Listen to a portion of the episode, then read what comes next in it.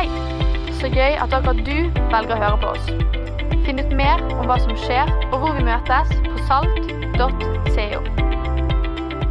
Jeg var ikke her forrige søndag, eh, for da var jeg i Trondheim. Ja, hvis dere lurte. Og, og, og eh, Det var hyggelig. det. Jeg besøkte Salt Trondheim. eh, Og da fikk jeg et lite flashback til en gammel traume som eh, var ganske ubehagelig. For Sist gang jeg var i Jeg skal la den menigheten være anonym, men jeg var i Trøndelagstraktene og prekte. Og Da skjedde det noe litt sånn finurlig, fordi eh, jeg innleda med en historie som kanskje ikke var først og fremst bibelsk, men den var liksom om meg selv, og den var ganske funny. Og Idet jeg nærmer meg liksom punchlinen, så eh, reiser det seg en dame opp og spaserer ganske sånn bestemt fram til scenen og bare sier stopp. Og jeg tenkte umiddelbart, Er det sånn, er det brannalarm, er det et eller annet som er galt? liksom? Og så sier hun bare vi vil ikke høre på dette. Og så sa hun vi vil høre fra Bibelen. Og jeg tenkte sånn, wow, Jeg er jo egentlig typen som på en måte inviterer til respons. Eh, men det ble litt for mye for meg. Det, det var ikke jeg vant til. I Trøndelag er det helt gale. så det var bare sånn, ok. Eh, og Samtidig så føler jeg at sånne som meg, vi må jo sånn som på en måte preker Guds ord, vi må jo kunne være parat til å liksom endre på stedet. I lys av enten hva vi hører ovenfra eller fra forsamlingen. Så jeg sa jeg hører deg. Jeg gikk til Bibelen og jeg slo opp på et kjent skriftsted som snakker om eh, at kvinner skal tie i forsamlingen. Og, og, og, det ble kjempebra, altså. Det var, eh, det var hallelujastemning, eller Kvinnene sa det inni seg, men på en måte de guttene fikk lov til å si masse halleluja. Da, så det ble, det ble kjempebra. Hun var strålende fornøyd etterpå. Nei, det, det, siste skjedde ikke der, men, men, faktisk alle spør etterpå. Skjedde faktisk det? Ja, det gjorde det. Jeg ble stoppa. Det, det var ikke noe gøy. Så jeg lærte jo da at eh, når jeg taler rundt omkring, i hvert fall i trøndelagstraktene, så, så, burde jeg jo på en måte komme ganske raskt til teksten. ok? Ikke bruk for lang tid på andre ting. Og jeg vet at her i Bergen så liker vi å ha liksom 15 minutter med kristen standup før vi kommer på noe bibel. Eh, men det skal vi ikke i dag. I dag skal vi være trøndere, og vi skal gå rett på sak. Vi skal til hovedteksten for eh, det som er eh, Hva skal vi si? ja, taleseriens tekst, om du vil. Og Det er i femte Mosebok, hvor vi hører Hør, Israel, Herren er vår Gud, Herren er én. Du skal elske Herren din Gud av hele ditt hjerte og av hele din sjel og av all din makt. Disse ordene som jeg pålegger deg i dag, skal du bevare i ditt hjerte. Du skal gjenta dem for dine barn og snakke om dem når du sitter i ditt hus, og når du går på veien, når du legger deg og når du står opp. Du skal binde dem om hånden som et tegn og ha dem på pannen som et merke. Du skal skrive dem på dørstolpen i huset ditt og på portene dine. Jeg vet ikke om du gjør alt det her. Jeg har sett lite skrift i panna på folk på veien. jeg har sjekket. Men det her er åpenbart skrevet i en kontekst til israelsfolket. Men, men det vi kan hente ut, er at uh, ifølge den kristne tro så finnes det én Gud. Han er herre, og han er herre ikke bare over søndagen, men over hele uken. Og Derfor sier vi i denne taleserien Jesus er herre hele veien. Og det skal vi snakke om i dag. Og Vi har vært så heldige da å få eh, på en måte et spesielt bibelvers som vi skal få lov til å fokusere på. Og Det er noe som har blitt sitert av vår gode Amund allerede i dag. Og Dette er dette med Du skal elske Herren din Gud av hele ditt hjerte og av hele din sjel og av all din makt. Det skal vi se nærmere på. Så jeg tenkte at det kunne være et bra sted å snakke om det i dag og i kveld. Høres det greit ut? Kjempebra. Du er med. Ok. Um, det er klart, eh, Noen her i forsamlingen og eh, av venner og folk som kanskje har hørt meg litt, vet at jeg har et litt traumatisk forhold til eh, et visst type toalett. Som jeg, som jeg, jeg synes er veldig krevende. Noen ler, andre har jo ikke peiling. og jeg skal derfor, siden ikke folk skjønner, skal jeg forklare hva som er greia. For Har dere sett eh, togtoaletter? Skjønner dere jeg, hvor jeg vil hen da? For de er ikke normale. De er veldig rare. Du vet På et vanlig toalett så har du en vanlig dør, men på sånne togtoaletter så er det litt sånn science fiction-stemning over det. Så du må trykke på en knapp, og da går døra sånn Har dere sett de? Og så må du gå inn, ikke sant? så må du trykke på en ny knapp, og så går døra sånn Og så må du trykke på en knapp som låser den døra. og Da kommer det rød sirkel for alle andre utenfor, og da kommer du ikke inn. For det er litt viktig. Um, Jeg var på et tog på vei hjem til påske. Det var stappfullt. Så fullt at liksom, folk har ikke sitteplass. og Da står veldig mange nettopp rundt dette toalettet. Eh, så jeg ser at det er grønt lys, tenker 'now is my shot', jeg går for det. Eh, og jeg trykker selvfølgelig på denne knappen i full tiltro til at her er det jo ledig. Og Jeg trykker på knappen, og så begynner jo en gøy seanse. ikke sant? Da er vi sånn og, dere skjønner at her er det selvfølgelig en person. Men, og du har sikkert gjort det selv at måte, når, du, når, du, går inn på et vanlig toalett og det er noen der, det skjer jo, så er det sånn Oi, unnskyld! Og så kan du på en måte bare rygge raskt tilbake. Det er jo litt kleint, men du kan på en måte gjøre ganske raskt retrett. Eh, det ble ikke mulig her. Fordi den døra den bruker god tid på å komme seg opp, og den har ikke lyst til å lokke seg før den er på en måte helt åpen. Så dermed begynner jo da verdens lengste sekunder i mitt liv idet jeg trykker på den knappen. og den begynner bare sånn og så er det jo ikke noe bedre når den personen inni der kunne liksom vært en mann, eller sånn, og han kunne sitte der og Det var litt rart at du åpner døra, men, men det var en gammel dame. Som gjør det så mye verre. Og Hun sitter der og skjønner ingenting, og døra bare fortsetter å liksom bare utvide seg mer og mer, så alle kan se. den jeg trykker for harde liv, og folk bak meg begynner å rope sånn, lukk døra da, Jeg trykker og trykker, men ingenting skjer. Den er bare halvveis. Og Nå tenker jeg at nå, måte, nå kan jeg ikke lukke døra, men jeg kan heller prøve liksom å dekke for. Så jeg prøver liksom å stå sånn her, for at ikke folk skal se. Og så blir Det det ser jo bare som at jeg prøver å danse for henne. litt sånn. Det ble en, en, en kjemperar seanse. Jeg, jeg, føler det På toaletter på tog så burde det stå sånn Be careful, liksom. Can be traumatic. Eller, altså, det er kjempefarlig. For, for, når du skal gå ut sånne uh, dører på tog, så står det ofte liksom 'pass steget'. Har dere sett det? Eller hvis du er i, i utlandet, som kanskje noen her er, så står det sånn 'mind the gap'. Og så hører du liksom på anlegget 'mind the gap'. Og Hvis jeg skulle satt en overskrift for kveldens tale til dere som er så kristne at dere noterer, så kan du skrive 'mind the gap'. Pass på avstanden for Hvis du ser og leser litt om israelsfolket i Gamle Testamentet, så vil du se at det var en gjeng som hadde et sånt offerritual til den guden som vi også tror på. og Det gjorde de for å bøte på det gale de hadde gjort. Men så skulle man jo tro at idet de begynte å bøte på det, så ville de gå ut i hverdagen og leve litt annerledes, fordi de angrer på det de har gjort. Beklager. Men det som heller skjer er at de har heller bare en sånn rytme av at de ofrer på en søndag, så går de ut og lever sånn som de ellers gjør uansett. Og Jeg snakker med ganske mange som er i kirkemiljøer, og jeg hører veldig ofte at, at, noen opplever at det er et visst gap, også i vår tid, mellom det som sies, synges og forkynnes på en søndag, og hvordan livet egentlig føles ut på en hverdag. Det er et gap her. Mind the gap. Vi kan på en søndag sitte og tenke liksom, yes, jeg har lyst til å, å være en, en, en Guds ambassadør, en som på en måte har lyst til å få frem Guds rike. Men på, på, onsdag så spør en kanskje i klassen eller på jobben er du sånn skikkelig kristen. Så er det sånn Nja Vet ikke helt med det. Så kan, vi, så kan vi synge sånn Gud, utvid mitt hjerte, liksom. Men, men, i hverdagen så vil vi helst ikke gå ut av komfortsonen, eller hva? Det, det gidder vi jo ikke. Vi kan, vi kan synge liksom sånn Å, Gud, vis meg nytt. hjelp meg å se de, de du ser. Og Så går vi i hverdagen, og så ser vi jo mange som sitte på gata, men jeg vet ikke om jeg skal gjøre noe med, med det. Det blir et gap her, mind the gap mellom søndag og hverdag. Og jeg er for søndagsgudstjenester. altså Dette er kjempebra. Men noen setter på at det går så langt at nesten søndagsgudstjenesten istedenfor å være et uttrykk for din tro, så blir det nesten en erstatning for det. Det er det eneste vi gjør. Mind the gap. Og jeg har lyst til å, å se litt i kveld på hva er det som gjør at det gapet oppstår. Og hva skjer med oss i det gapet? Og Hvis du tror at svaret er at vi må være litt flinkere eller ha litt bedre fokus, da har jeg lyst til å være så freidig å si at du tar feil. Det er ikke det det går på. Det går mye dypere enn det. Og Jeg har lyst til å være ærlig på at, at sånne som meg, sånne forkynnere Jeg syns noen ganger at vi har en tendens til å gjøre vondt verre, faktisk. At vi gjør det gapet større. Og jeg har lyst til å prøve å, å gjøre alt annet enn det i kveld. Høres det greit ut? Herlig. Eh, jeg vet ikke hva du ser for deg når du hører Edens hage. Den hagen som Adam og Eva visstnok var i. Kanskje du ser for deg en hage. Men ikke jeg. For jeg tenker at Edens hage er jo på en måte himmel på jord. Så det nærmeste jeg kommer himmel på jord, da snakker vi Disneyland. Ja, en annen som er enig det. Det er kjempefint. Jeg synes, og Da mener jeg ikke Disneyland sånn på en full dag i fellesferien. på en måte. Det går jo ikke. Du, jeg snakker liksom Disneyland på en dag hvor du har den helt alene.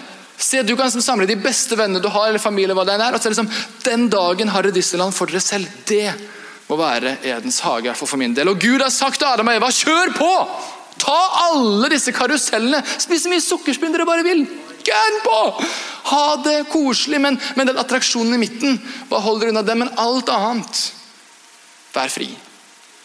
Og så er det jo akkurat den attraksjonen, det treet i midten, som, som gjør det litt interessant. da.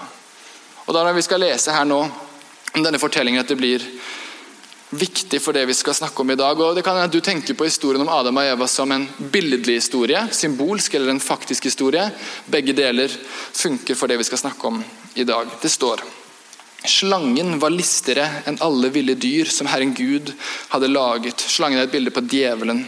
Den sa til kvinnen, har Gud virkelig sagt at dere ikke skal spise av noe tre i hagen? Kvinnen sa til slangen, vi kan spise av frukten på trærne i hagen, men om frukten på treet som står midt i hagen, har Gud sagt, dere må ikke spise av den og ikke røre ved den, for da skal dere dø. Da sa slangen til kvinnen, dere skal slett ikke dø, men Gud vet at den dagen dere spiser av den, så vil øynene deres bli åpnet, og dere vil bli som Gud og kjenne godt og ondt. Nå fikk kvinnen se at treet var godt å spise av og en lyst for øyet, et forlokkende tre. Det er ikke så ofte jeg tenker det når jeg ser på et tre, men det, det er meg. Siden det kunne gi innsikt, så tok hun av frukten og spiste. Hun ga også til mannen sin som var sammen med, han, sammen med henne, og han spiste. Da ble øynene deres åpnet, og de skjønte at de var nakne. De flettet sammen fikenblader og bandt dem om livet. Det er jo farlig å kritisere Gud, men jeg syns han ikke er superpedagogisk i forklaringen hans på hvorfor de ikke skal spise av det treet. Da dør dere. Ok, og så, er det jo, Når på en måte djevelen går løs på det, da har de ikke så mye mer å komme med. Og så kan man jo tenke Den mangelen på forklaring det er litt teit, er det ikke det? Men det viser seg at mangelen på forklaring egentlig var ganske bevisst. En kjent teolog som heter Tim Keller skriver følgende at budet siktet ikke bare mot en spesiell atferd, altså det å ikke spise av treet, men også mot en viss holdning og relasjon til Gud. Mangelen på forklaring var en invitasjon til å stole på at han vil dem vel. Som Hvis en tillitsperson sier til meg da jeg var liten Eivind, eh, ikke ta på den peisen når det er fyr i den. ikke ta på den. Og Jeg kan jo si ja, hvorfor det, da? Og så, og så kan jo de prøve å forklare, eller så kan de bare si stol på meg. Ikke ta på den peisen. Jeg kunne i tillit til en person si jeg hører deg, jeg skal ikke gjøre det. Og Det var det tillitsforholdet som slangen angrep. Når han sa har Gud virkelig sagt? Og så planter han løgnen om at Gud kanskje ikke kan bli helt stolt på til å ha de beste intensjoner for oss. Han er jo tross alt litt egoistisk. Han er jo tross alt litt sånn eiesyk. Han er jo, Jeg vet ikke om du kan helt stole på alt det han sier. Og Jeg tror den løgnen ikke bare finnes i historien med Adam og Eva, jeg tror den også har funnet plass i våre hjerter i dag. Løgnen om at Gud kanskje egentlig ikke helt kan bli stolt på til å ha de beste intensjoner for deg. Og som jeg hentet til i sted, så føler jeg noen ganger at sånne som meg gjør det gapet som oppstår der i den løgnen, litt verre. For du vet, Vi som, som forkynner vi prøver ofte å eh, balansere to ting. Og Det ene er liksom Guds bud. Det han har sagt, liksom, gjør dette, dette er godt. Men så er det også Guds nåde. Og Hvis du er i en periode hvor du føler at det er mye snakk om liksom, Guds bud og alt han ber oss om å gjøre, her er det, det er mye flott og fint, men hallo, hva med Guds nåde? Da vil du prøve å vektlegge dette. Liksom, men, men han har akseptert deg, og han tilgir deg, og dette er jo, dette er jo kjempeviktig. Men så er det noen som opplever at vi snakker jo veldig mye om nåde og tilgivelse. nå, Så nå, så nå er vi liksom i grøfta her, da må vi gå over her og snakke mer om, om Guds bud og alt, alt, det gode han har bedt oss om å, å, gjøre. Og Så prøver vi nærmest å kurere den ene mot den andre som at de var motsetninger. Og Der er feilen, fordi begge bærer en løgn. Løgnen om at Gud kanskje egentlig ikke vil det beste for oss. Vi kan ikke helt stole på ham. Begge går glipp av at både Guds bud og Guds nåde er et uttrykk for Guds godhet. Akkurat som at Jesus kom jo ikke til vår, vår jord og sa wow, wow, wow. Gud ble litt revet med i det budkjøret. Det ble litt mye greier. Her kommer en revidert versjon.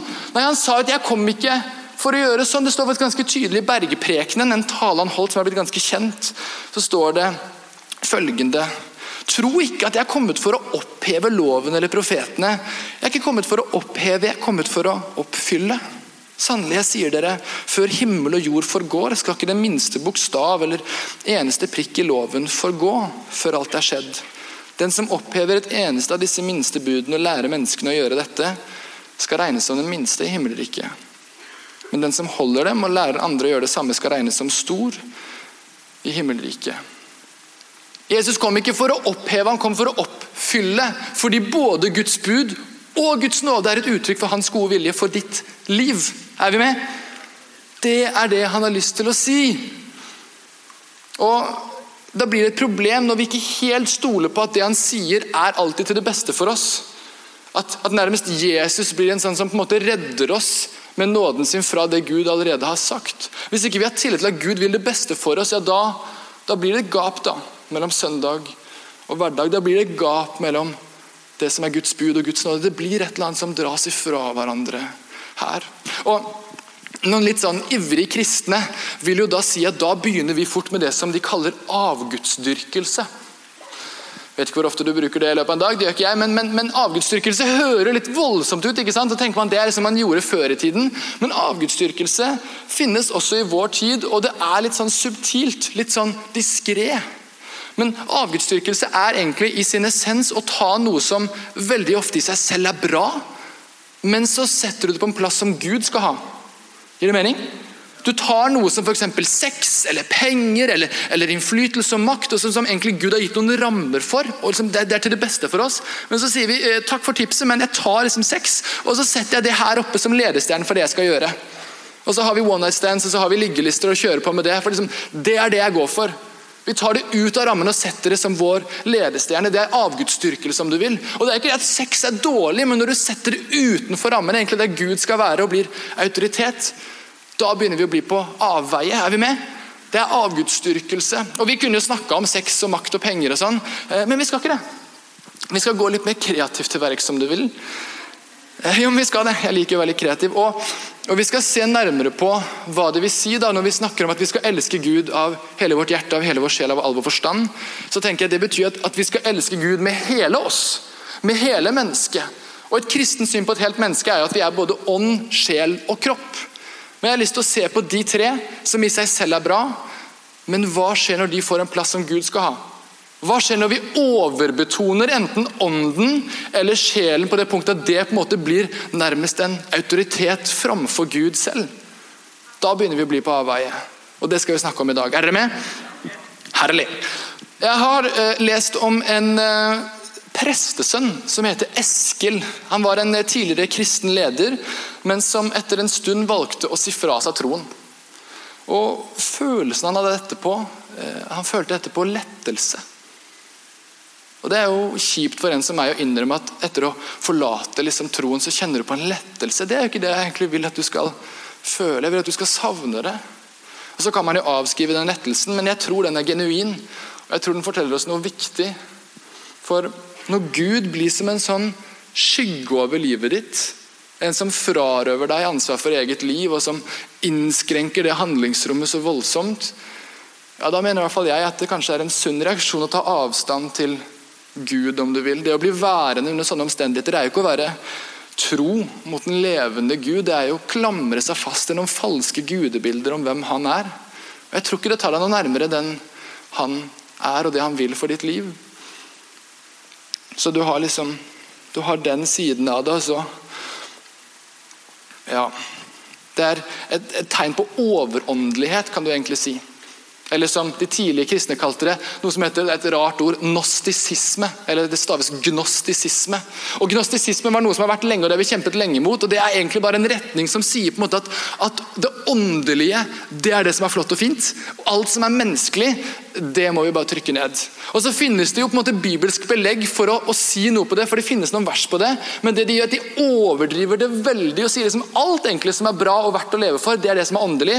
Og det menneskelige og seksualitet og alt sammen, det må vi bare trykke lenger og lenger ned. Men det vi ser gang på gang, er at miljøer som dyrker dette, de sitter igjen med to valg. Enten så gjør du som Eskil og forlater et selvutslettende miljø, og veldig ofte troen i samme slengen.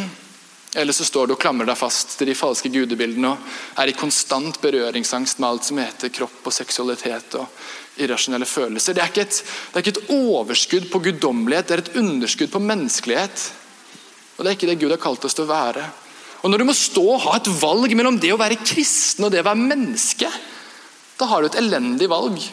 Det er et valg på djevelens vilkår. og Han kan spille på hele registeret for at du må fornekte din menneskelighet for å bli fri til å følge Jesus. og helt over til at du må, du må fornekte Gud for å bli fri til å følge deg selv. Og Da kommer vi over på den andre avgudsdyrkelsen, om du vil. Når vi dyrker sjelen først og fremst. Og Der er vi jo på mange måter i dag i vårt samfunn. Og vet, Jeg vet ikke om du tenker så mye over hvilken kirketradisjon du er en del av. på en måte. Altså, jeg, jeg, føler mange liksom, jeg går i salt og jeg syns det er konge, for det er kjekt her. og De løper maraton på, på, scenen. og Det er liksom, det, altså, altså, mange liksom, det er bare gøy å være Du tenker kanskje ikke så mye over det. Men hvis ikke du visste det, så er vi en del av en, en tradisjon som vi sier, som har vektlagt det at du trenger egentlig ikke en prest for å høre hva Gud sier. Du trenger egentlig ikke meg for å fortelle hva Gud sier. Vi tenker at vi kan gå rett til ordet. Her kan vi lese og bli kjent med Gud, og så kan vi ha en dialog med ham. Det tenker vi Gjennom det vi hører og blir kjent med ham, så kan vi ha en indre dialog med Gud. Det har vår tradisjon vektlagt. Men så ser vi at de siste 100 årene så har den indre dialogen med Gud for veldig mange i vårt samfunn og også i våre kirker blitt mer og mer en indre dialog med oss selv. Og vi snakker egentlig bare i vår sjelelige verden. Og Det som skjer da, det her er litt sånn smarte ord, men da blir fort moralen vår det man kaller terapeutisk. Det vil si at det viktigste du kan gjøre, det er å føle deg vel. Og Hvis du skal føle deg vel, ja, da må du jo være tro mot deg selv. Og Hvis du skal være tro mot deg selv, ja, da kan du forsvare ganske mange forskjellige typer handlinger. Jeg kunne tatt mange eksempler, men jeg skal ta ett som jeg leste her om dagen. jeg synes Det var litt gøy. Det var en en deltaker som hadde vært på Paradise Hotel og gjort ganske mye crazy greier. Det var, ja, det var fint, det. Og Så kommer han hjem og så blir han konfrontert av Dagbladet på liksom, hva tenker du om alt det her. Det kommer liksom på TV, og familien din skal se det. og Det blir bra, det. Og så sier han vet du hva, jeg har egentlig ikke noe problem med det jeg gjorde på Paradise. Jeg var jo tross alt bare meg selv. Han har tro mot seg selv. Moralen er terapeutisk. og Selvfølelse er liksom valutaen i det her. Og Veien til frelse det er selvrealisering, om du vil. Og Det er prosjektet det driver folk flest på med for tiden. Og nå vet jeg at jeg treffer sikkert noen her, men, men, det er litt rart at vi for tiden i Norge er sånn unisont enige om at det viktigste vi kan jobbe mot, det er psykisk helse. Det er liksom alle enige at det er selvfølgelig viktig med psykisk helse. Men når flere enn noen gang sikter mot psykisk helse og føler seg vel og bra, så ser vi at flere enn noen gang bommer på det målet. Er det bare jeg som syns det er rart? Det er et eller annet som ikke stemmer her. Og så kan vi jo tenke liksom, ja, vi, vi som går i kirken på søndag, vi er jo heldigvis fratatt dette, eller hva? Jeg tror ikke det. Jeg tror ikke du tror det heller. Du vet, For mange, og nå må du tenke litt på ditt eget liv, da, så tror jeg ikke Gud alltid er en sånn transcendent autoritet over våre liv lenger, som kan være så frekk og be deg gjøre noe som du kanskje egentlig ikke alltid kjenner for å gjøre.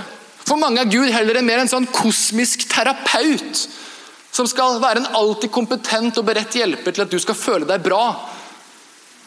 Han er alltid tilgjengelig, men han ber ikke om så veldig mye underkastelse eller hengivenhet tilbake.